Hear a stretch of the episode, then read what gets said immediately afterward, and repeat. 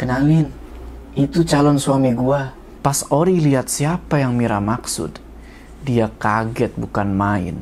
Sosok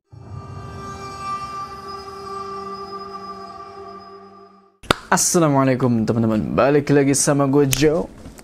Apa kabar kalian semua? Semoga kalian semua yang menonton video ini diberikan kesehatan, dilancarkan rezekinya dan selalu dimudahkan urusan-urusannya dan selalu diberikan perlindungan dari wabah yang sedang melanda dunia saat ini. Di video kali ini kita bakal ngelanjutin cerita dari Mbah Ngesot yang berjudul Kualat Gunung Pulau Sari. Di part sebelumnya kita tahu nih kalau mereka jadi bulan-bulanan jin karena keteledoran yang dilakuin sama Mira. Setelah Mira ngelakuin keteledoran itu, dia hilang disusul sama LD yang loncat ke jurang, dan tersisalah Ricky sama Ori. Mereka tinggal berdua. Bagaimana nasib mereka? Dan bisakah Ori menyelamatkan teman-temannya lalu keluar dari gunung itu? Tonton video ini terus. Sebelum kita masuk ke cerita, jangan lupa kalian like video ini dan bagi yang belum subscribe, ayo subscribe sekarang ke channel ini supaya kalian gak ketinggalan part selanjutnya dari cerita ini. Gak usah lama-lama, udah siap ya? Mode horor aktif.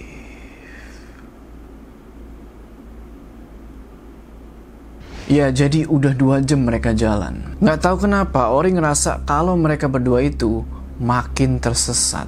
Nggak ada jalan setapak yang jadi jalur pendakian. Sialnya, setelah lama mereka jalan, mereka malah balik ke gubuk tadi. Ori langsung duduk lemes di tanah. Ricky cuma geleng-geleng kepala mereka berdua bener-bener udah dipermainkan sama setan malam itu. Ori nanya ke Ricky, Rick, kenapa kita balik lagi ke gubuk ini? Ricky cuma diem aja. Dia kayaknya lagi mikir keras. Ori terus berdiri dan nyamperin dia.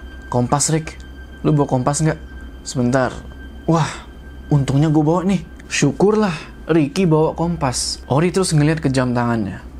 Sekarang udah jam 2 malam. Dari balik semak-semak, Kedengaran suara dengkuran babi hutan lagi nyari makan. Ori sama Ricky mesti waspada. Karena babi hutan itu bisa aja nyerang mereka berdua. Ori nanya lagi ke Ricky, kita ke arah mana sekarang? Sambil main-mainin kompas, Ricky bilang, ke barat. Jalan mereka ngikutin arah jarum kompas. Kali ini, Ori yakin kalau mereka berdua nggak bakal balik lagi ke gubuk sialan itu. Ricky jalan di depan dan Ori di belakang. Namun, langkahnya Ricky semakin lama semakin cepet. Sampai-sampai Ori mesti lari-lari kecil supaya nggak ketinggalan. Ori manggil, Rick, pelan-pelan jalannya. Nah, jalan-jalan jalan-jalan.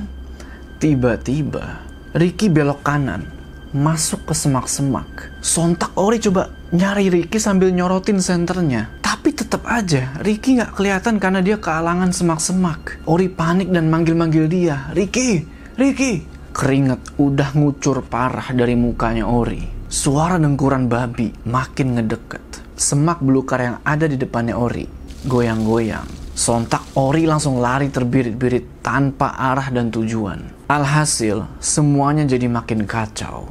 Dia malah semakin tersesat di gunung itu. Capek, itu yang Ori rasain. Dia ngerasa nggak sanggup buat lari. Nafas sudah ngos-ngosan, tenggorokan kering, persediaan air habis, Ori terus ngelepas ranselnya dan dilempar ke semak-semak. Terus dia rebahan di atas rumput yang basah.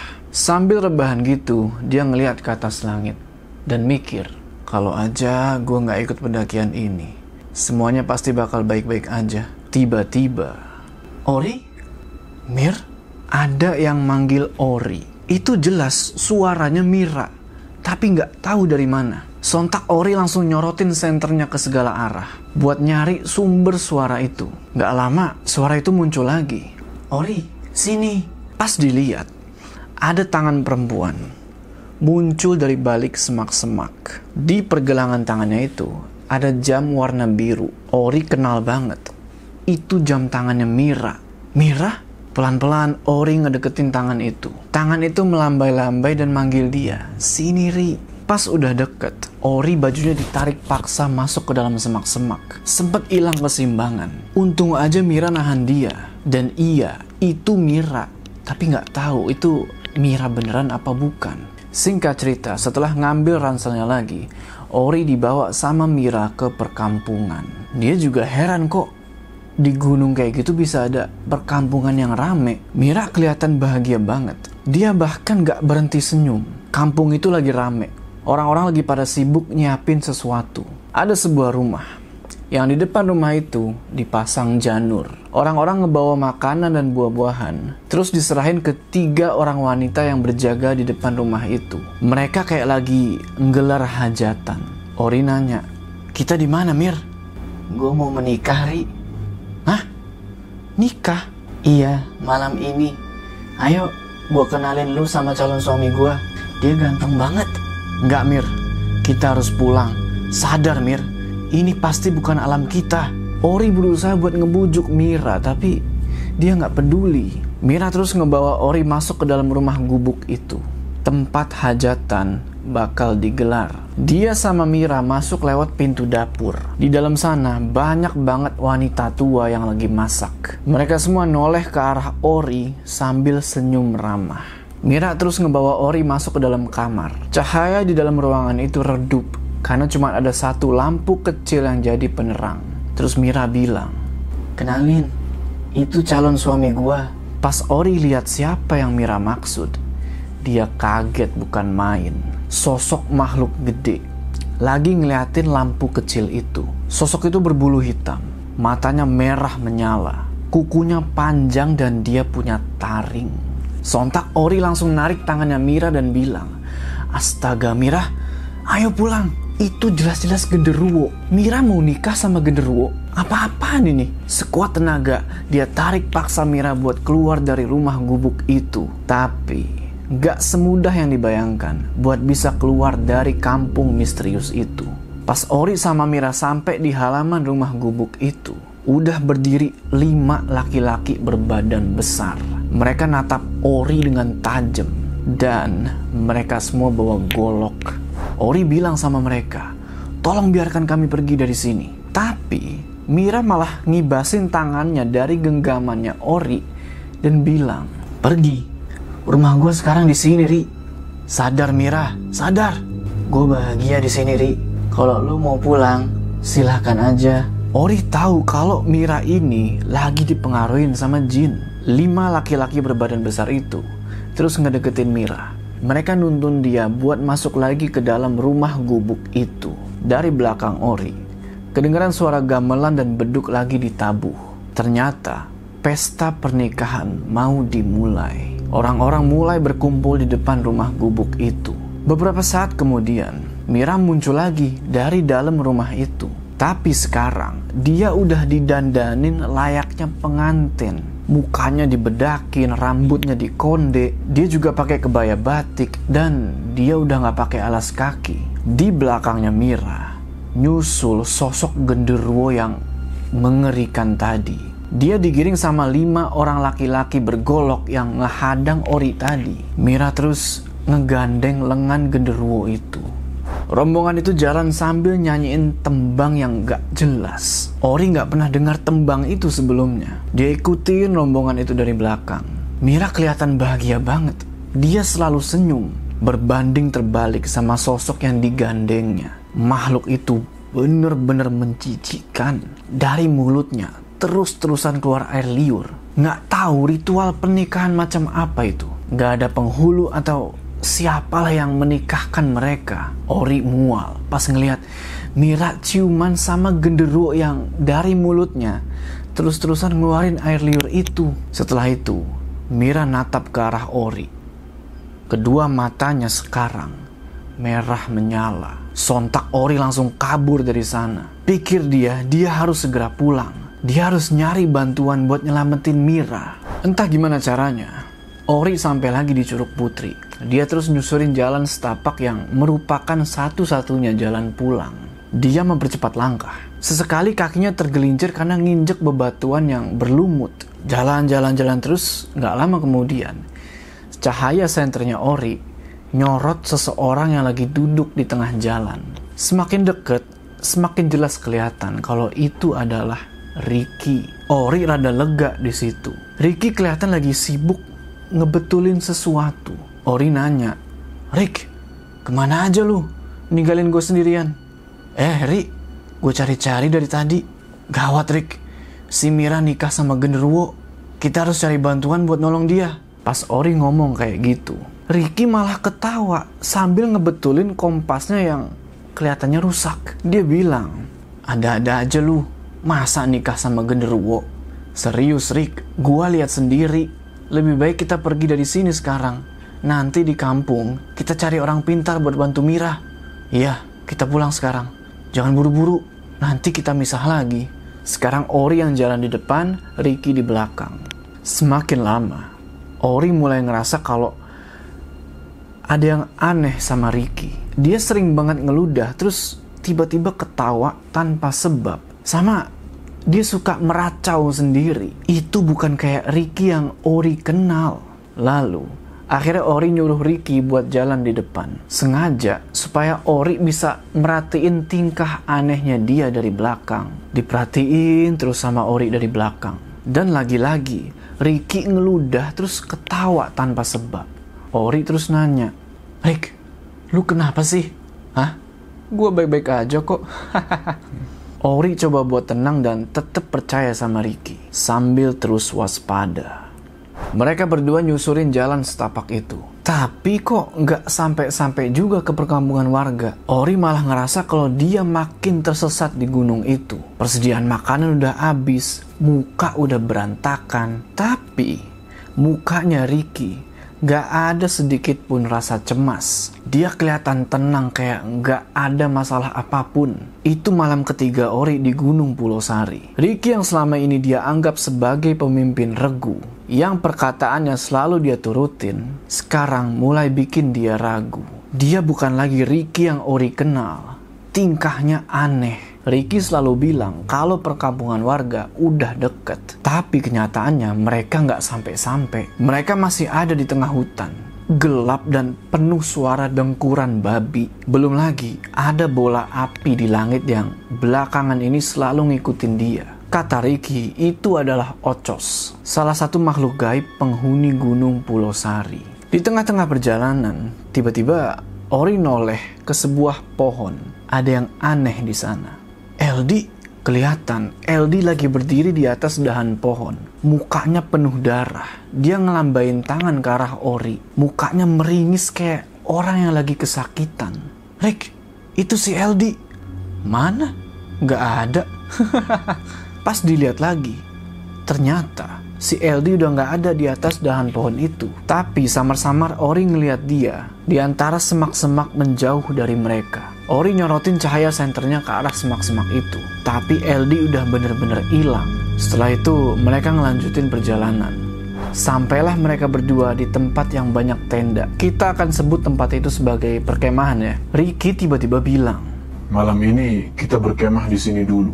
Gak pakai nunggu persetujuannya Ori. Dia ngelangkah masuk ke perkemahan itu. Perkemahan itu rame banget. Banyak tenda warna-warni di sana. Tapi Orang-orang di sana itu mukanya pucat dan kelihatan sedih. Ori ngeliat Ricky berdiri dongak ke langit sambil natap bulan. Di situ Ori benar-benar sadar kalau itu bukan Ricky temennya karena Ricky di situ tatapannya kosong dan banyak belatung yang keluar dari kerah bajunya. Suaranya juga berubah jadi suara kakek-kakek. Sontak Ori langsung mundur dan lari ninggalin dia. Ori menjauh dari perkemahan misterius itu. Dia susuri itu jalan setapak, cuman ngandelin kata hati. Ngedengar suara orang batuk, Ori berhenti melangkah. Suara itu kayaknya berasal dari balik pepohonan. Pas center diarahin ke sana, muncullah seorang nenek-nenek yang lagi gendong kayu bakar. Nenek itu noleh ke arah Ori sambil nyengir. Kelihatanlah giginya yang hitam itu. Ori langsung mundur beberapa langkah sambil waspada. Bisa jadi nenek itu bukan manusia. Dengan hati-hati, Ori nanya ke nenek itu. Nek, jalan pulang ke mana ya? Nenek itu terus menyeringai seolah-olah pengen ngomong sesuatu. Tangannya nunjuk ke suatu arah sambil senyum ramah. Tapi, gak lama kemudian tiba-tiba mukanya berubah. Jadi ketakutan banget pas ngeliat ada bola api yang melayang di langit. Nenek itu bilang, "Oh, oh, ocos, ocos. Nenek itu kelihatan panik banget. Gak lama kemudian, nenek itu ngeliat lagi ke arah Ori. Kali ini dia ngedeket. Langkahnya berat karena sambil gendong kayu bakar. Dia bilang lagi, I, ikut, ikut, itu ocos. Mungkin karena dia udah tua, ngomongnya itu jadi agak gagap. Nenek itu terus narik lengannya Ori. Kayaknya dia mau ngebawa Ori ke suatu tempat. Sesekali nenek itu ndongak ke langit. Ngeliat bola api yang dari tadi terus ngikutin Ori. Ori nanya, kita mau ke mana nek? "Eh, eh, sana ke, ke rumah. Ori mulai ngerasa kalau nenek ini bukan jelmaan jin. Gak ada tampang orang jahat di wajahnya. Gak lama kemudian, sampailah mereka di sebuah rumah panggung. Rumah itu kelihatan lebih rapi daripada rumah gubuk yang waktu itu. Ingat kan? Yang si LD, Ricky, sama Ori itu tidur. Rumah itu punya dua jendela kaca di bagian depannya. Lagi-lagi Ori nggak nyangka kalau ada rumah di tengah-tengah hutan kayak gitu. Dari jendela itu, kelihatan ada cahaya dari sebuah lampu kecil. Terus si nenek ngetuk pintu rumah tersebut. Dari dalam, kedengeran ada suara langkah kaki ngedeket ke pintu itu. Dan pintu itu pun dibuka. Ternyata itu adalah seorang laki-laki tua, pakai jaket hitam dan sarung. Kakek itu nanya, Siapa ini? O- o- o- orang nyasar.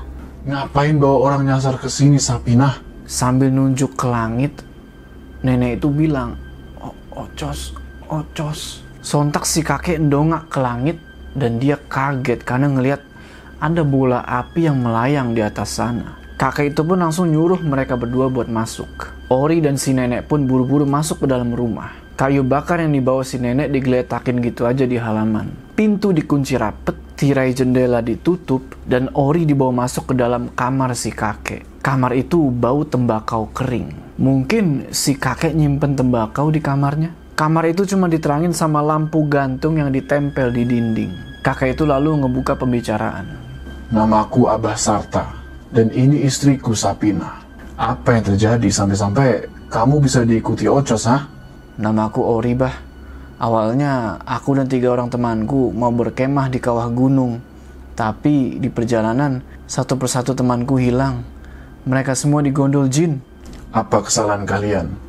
Teman saya mengotori curug putri dengan darah menstruasinya. Abah Sarta kaget ngedenger itu. Dan dia bilang, Gawat. Itu gawat. Kamu tahu, udah berpuluh-puluh tahun Pulau Sari aman dan tidak ada korban jiwa satupun. Gara-gara temanmu, bisa jadi para pendaki lain juga ikut celaka. apa yang harus aku lakukan bah? Sulit. Ini sulit. Antar aku pulang saja bah. Tolong aku. Kamu tidak bisa pulang Ke- kenapa bah? karena kamu sudah menjadi milik mereka. Mereka. Iya, para jin penghuni gunung ini T- Tapi kata Pak Jaro, aku dan teman-temanku masih bisa diselamatkan. Dia bohong. Tidak ada yang bisa selamat dari kualat Gunung Pulau Sari. Dia pasti sengaja menyerahkan kalian pada jin gunung ini agar pendaki yang lain bisa selamat. Itu kesalahan kalian. Dan kalian yang harus tanggung sendiri akibatnya. Di situ Ori cuma bisa nunduk. Dia nggak mau mati di gunung itu. Tanpa dia sadar, dia mulai nangis karena ketakutan. Kakek itu bilang lagi, Udah, jangan nangis. Tolong antarkan aku pulang, Mbah. Aku mohon. Dari jendela kamar, muncul bayangan bola api melintas. Makhluk itu benar-benar ngincer Ori. Kau harus pergi dari sini sekarang. J- j- jangan nginep di sini ya. Ngi- ngi- nginep. Bahaya Sapinah. Kita bisa mati dibunuh Ocos. Abah Sarta terus ngebuka pintu kamar dan nyuruh Ori pergi. Tapi Ori tetap nggak bergerak karena dia tahu kalau di luar sana itu lebih bahaya. Ori terus mohon-mohon lagi ke Abah Sarta supaya diizinin buat nginep. Akhirnya Abah Sarta luluh dan dia bilang, Satu malam saja. Besok pagi, kamu harus pergi dari sini. Abah Sarta terus ngarahin Ori ke sebuah kamar. Di kamar itu ada kasur kapuk dan bantal. Juga ada lemari kayu yang kelihatannya udah usang. Ada lampu gantung juga di situ yang ditempel di dinding. Setelah itu, Ori nutup pintu kamar, ngelepas tas ransel, dan dia langsung rebahan di atas kasur. Di luar, bola api itu masih nungguin dia. Nggak tahu apa yang bakal terjadi sama dia besok. Apakah dia bisa tetap hidup atau dia malah mati. Dia mulai berpikiran kalau dia bakal hilang selamanya di gunung itu. Gak lama kemudian, dia pun tidur. Karena banyak nyamuk, Ori kebangun. Pas dilihat, ternyata masih tengah malam. Dari ruang tengah, kedengeran kayak suara Abah Sarta yang lagi ngomong sama seseorang. Jelas banget, kalau lawan bicaranya itu bukan istrinya. Itu kedengeran kayak suara perempuan yang masih muda. Karena penasaran, pelan-pelan Ori ngintip dari celah lubang yang ada di dinding kamar. Kelihatan, Abah Sarta lagi ngomong sama wanita cantik. Mereka duduk saling hadap-hadapan. Pakaian wanita itu kayak putri kerajaan. Dia pakai kebaya merah dan sarung batik keemasan bermotif bunga. Rambutnya dikonde, banyak pernak-pernik emas di rambutnya. Percakapan itu kurang lebih kayak gini. Jangan mengganggu mainan saya. Iya Nyai, maafkan saya. Tiba-tiba, wanita itu noleh ke arah Ori yang lagi ngintip. Dia tersenyum dingin. Kulit mukanya itu putih nggak wajar, kayak patung lilin. Sontak Ori langsung ngejauh dari dinding kamar dan balik ke tempat tidur. Gak lama kemudian,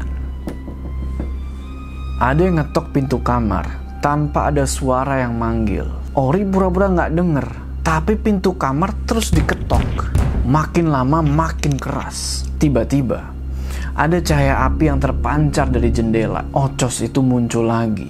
Kali ini dia melayang tenang di jendela kamar. Pas diperhatiin sama Ori, ternyata bola api itu punya dua mata, kayak manusia. Mata itu melirik ke arah Ori dengan tatapan datar. Malam terasa panjang dan mengerikan. Akhirnya pintu didobrak paksa. Ternyata itu Abah Sarta. Dia ngelihat Ori dengan tatapan yang tajam. Di tangan kirinya, dia megang sebuah arit. Ori panik di situ. Ada apa nih? Kenapa kok kayaknya si Abah ini pengen ngebunuh Ori? Abah Sarta bilang, pergi dari sini. Ori yang ketakutan langsung ngambil senter sama tas ranselnya, make sepatu, dan pergi dari rumah itu. Langit masih gelap, udara dingin. Di langit masih ada bola api itu. Ori lari sekuat tenaga demi menjauh dari Abah Sarta yang pengen ngebunuh dia. Lari terus sampai di tengah jalan. Ada seseorang yang ngehentiin dia. Ternyata itu adalah nenek Sapinah. Nenek Sapinah terus ngasih sesuatu kayak keris kecil. Ukurannya mungkin kayak jari telunjuk. Ori nanya, apa ini nek? Belum sempat dijawab. Dari kejauhan, Abah Sarta teriak-teriak dari depan rumahnya. Nyuruh si Ori pergi sambil ngacungin arit. Ori langsung ngantongin keris kecil itu dan pergi ninggalin nenek Sapinah. Dia nggak tahu lagi mau ke mana sekarang. Dari jauh kedengeran suara gemuruh dan kelihatan kilatan cahaya di langit. Kayaknya mau hujan. Posisi sekarang udah lumayan jauh dari rumahnya Abah Sarta. Ori bertanya-tanya, keris itu buat apa? Dia mutusin buat berhenti di bawah batang pohon besar sambil merhatiin keris yang dikasih sama nenek Sapina. Kerisnya unik. Ada ukiran bertuliskan bahasa Arab di permukaan keris itu. Gak ngerti maksudnya apa. Gak lama kemudian, bener aja, hujan deras turun. Alhasil badannya Ori basah kuyup. Dia mulai menggigil. Perutnya lapar. Sendirian di hutan kayak gitu, dia mikir mungkin umurnya udah nggak lama lagi. Di langit, walaupun hujan deras, bola api itu nggak pernah padam dan terus ngikutin Ori. Karena kesel diikutin terus, Ori tiba-tiba marah dan bilang, Bang, lu, sini kalau berani lawan gua. Sesaat abis ngomong kayak gitu. Tiba-tiba, ada sesuatu yang nabrak dia dari belakang. Badannya mental dan sentra jatuh ke semak-semak. Dia meringis kesakitan. Dia terus berusaha ngeliat, apa sih yang nabrak tadi? Dia ambil senternya lagi dan disorotlah ke sesuatu yang nabrak dia itu. Ternyata itu adalah babi hutan. Pas mau berdiri, eh, betisnya robek. Kemungkinan karena hantaman taring babi itu. Babi itu mendengkur, matanya merah. Badannya itu mungkin segede anak kerbau. Sadar kalau dia nggak bisa lari dari babi itu, mau nggak mau, Ori harus ngelawan. Babi itu lari dengan cepat ke arah dia. Ori langsung ngambil sebuah pisau kecil dari kantong ranselnya. Abis ngambil, bruk! Badannya diseruduk sampai keseret beberapa meter. Tapi akhirnya Ori berhasil megang kepala babi itu dan ditebaslah punggungnya pakai pisau. Tapi babi itu belum nyerah. Dia terus ngambil ancang-ancang buat nyeruduk Ori lagi. Pas babi itu nyeruduk lagi, Ori lompat dan berhasil pegangan di punggungnya. Babi itu terus ngamuk, lari ke sembarang arah. Ori terus nusuk-nusuk punggung babi itu berkali-kali pakai pisau sampai pisaunya patah. Refleks, tangan Ori ngerogoh ke kantong celananya buat ngambil keris kecil pemberian nenek Sapina. Maksudnya pengen ditusukin ke mata si babi biar si babi ini tewas. Ajaibnya, baru aja Ori ngarahin keris itu ke kepala babi, tiba-tiba badannya mental, babi itu juga mental. Tersungkur ke semak-semak dan mati gitu aja. Dengan nafas yang ngos-ngosan, Ori noleh ke arah kanan. Di antara derasnya hujan, muncul seorang wanita berpakaian kayak putri kerajaan berdiri di depan pohon besar. Ori masih ingat sama mukanya. Kalian juga ingat kan? Ya, dia adalah wanita yang ngomong sama Abah Sarta di rumahnya. Sontak Ori teriak. Apa maumu, bang? Keluarkan aku dari gunung ini. Dengan sisa tenaga yang ada, Ori lari ke arah wanita itu. Nyoba buat nyerang dia pakai keris kecil pemberian nenek Sapinah. Yang terjadi selanjutnya, benar-benar di luar perkiraan. Seharusnya Ori nggak nyerang wanita itu. Di part terakhir, kita akan mengetahui bagaimana nasib Ori dan teman-temannya di gunung itu. Jadi, jangan sampai ketinggalan part berikutnya ya. Sebelum kita berpisah, jangan lupa kalian like video ini dan bagi yang belum subscribe, ayo subscribe sekarang ke channel ini supaya kalian gak ketinggalan part selanjutnya dari cerita ini. Gua Jo, sampai ketemu di cerita selanjutnya.